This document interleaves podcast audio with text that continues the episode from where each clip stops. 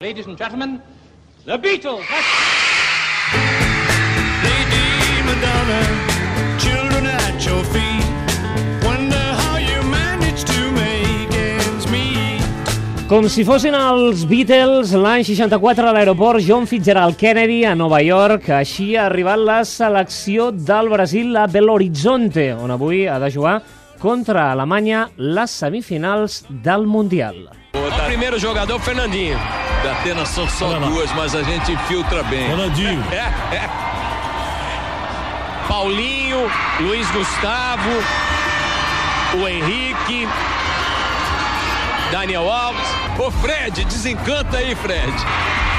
Vamos ver. Infelizmente a gente não vai ver É, o Neymar descendo dele. por último desse ônibus. Tá na casa dele, tá ligado na banda e tá vibrando.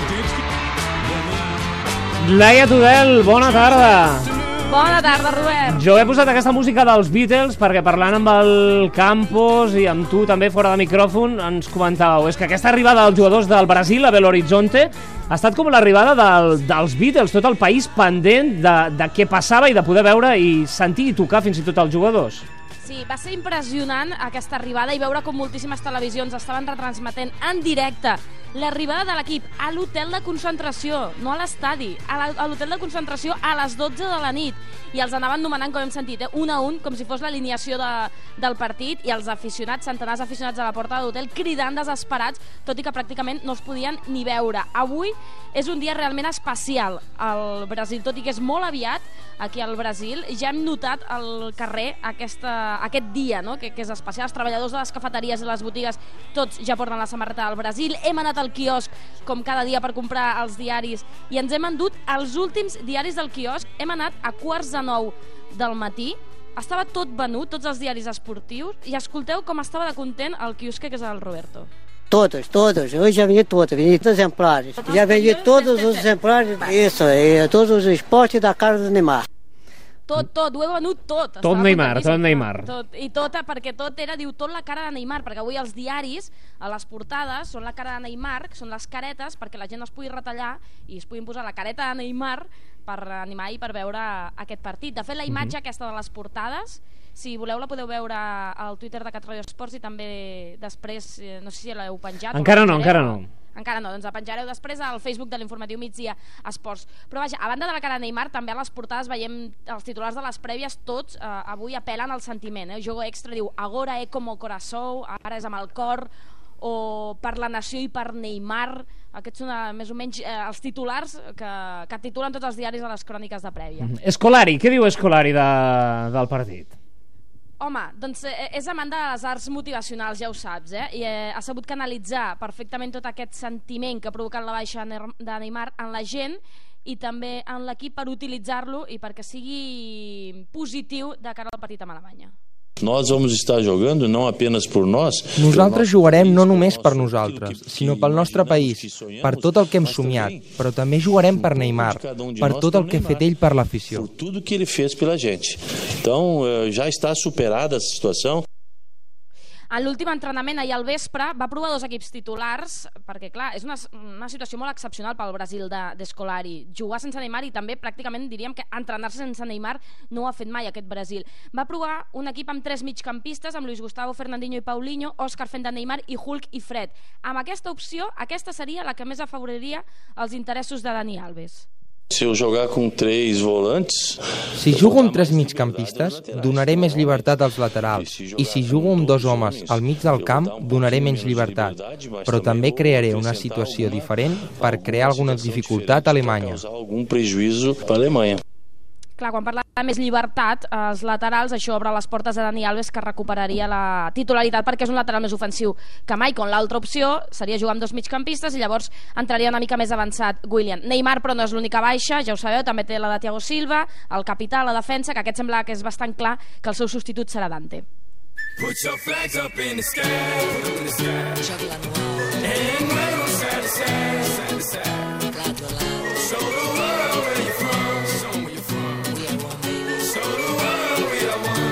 El Brasil que ho té tot de cara per jugar a la final del Mundial. Absolutament tot. Però abans haurà d'eliminar Alemanya. I això no és poca cosa.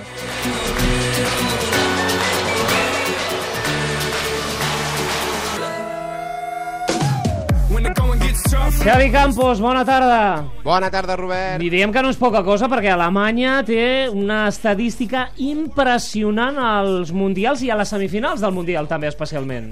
Difícil de creure. La primera persona que va parlar de la fiabilitat alemanya deuria pensar en el futbol, perquè la d'avui és la tretzena semifinal d'Alemanya en els mundials.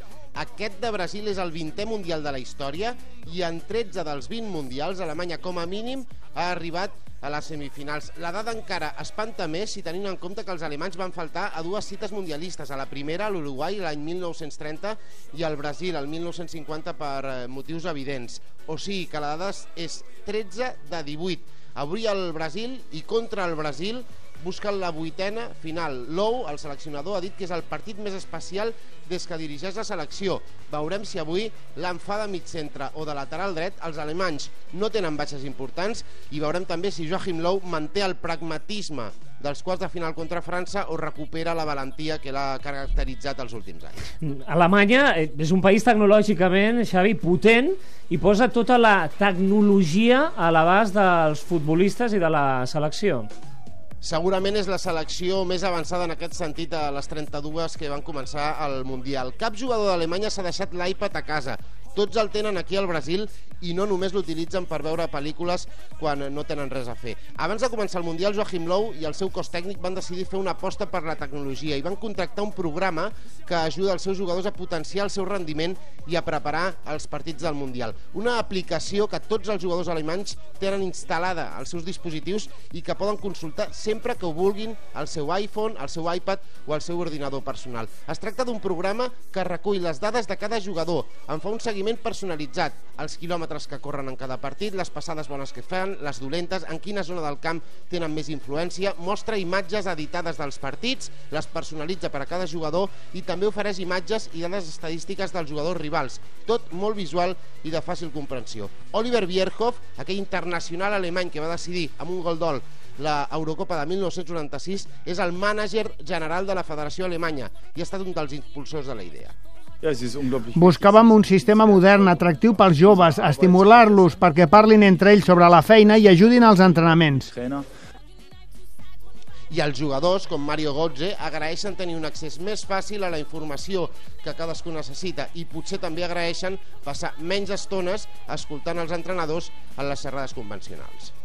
Crec que és un sistema molt útil especialment perquè ens dona molta informació sobre els jugadors rivals, els seus punts febles, els seus punts forts.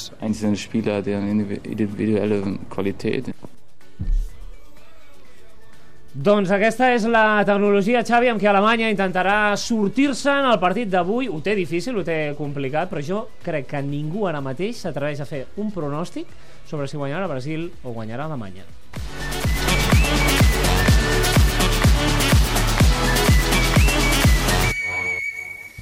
He dit gairebé ningú. Ricard Torquemada, bona tarda. Bona tarda. No m'excloguis del grup, eh? No, no. No, no està clar.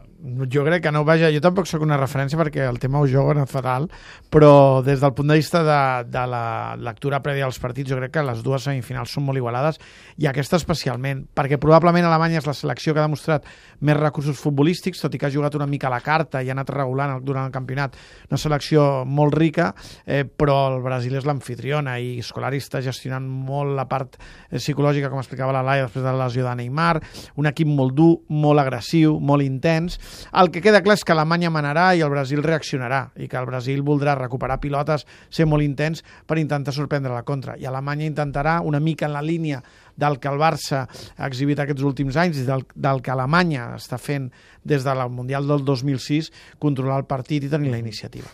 Uh, Brasil té baixes importants, però això no canvia eh, l'esquema tàctic del Brasil, és a dir, no hi és Neymar a la davantera, no hi és Thiago a la defensa, però el joc del Brasil és el mateix. La mateixa personalitat. Fins i tot et diria que jo crec que a Scolari li, preocuparia, li preocupa més la baixa de Thiago Silva que la de Neymar. Primer, perquè Neymar era el jugador que era diferent respecte a la, la personalitat col·lectiva. Eh, per dir-ho d'alguna manera, Escolari busca soldats i Neymar es desmarcava i tenia un rang especial, però ara apareixerà un altre soldat, sigui el tercer mig centre, sigui William, seran jugadors de molt treball. Eh, en canvi, Thiago Silva és el, el, el general defensiu, el, el jugador sobre el qual el, el sistema defensiu gira, l'home que té personalitat, que mana una mica el, el, el cervell defensiu de l'equip, la referència. Això ho haurà d'assumir David Luiz i Dante és un molt bon central per jugar com juga el Brasil. Per tant, crec que a nivell defensiu no ho notarà. Li faltarà el jugador que pugui crear com podia crear Neymar però també és veritat que manava més la disciplina col·lectiva que no la capacitat individual.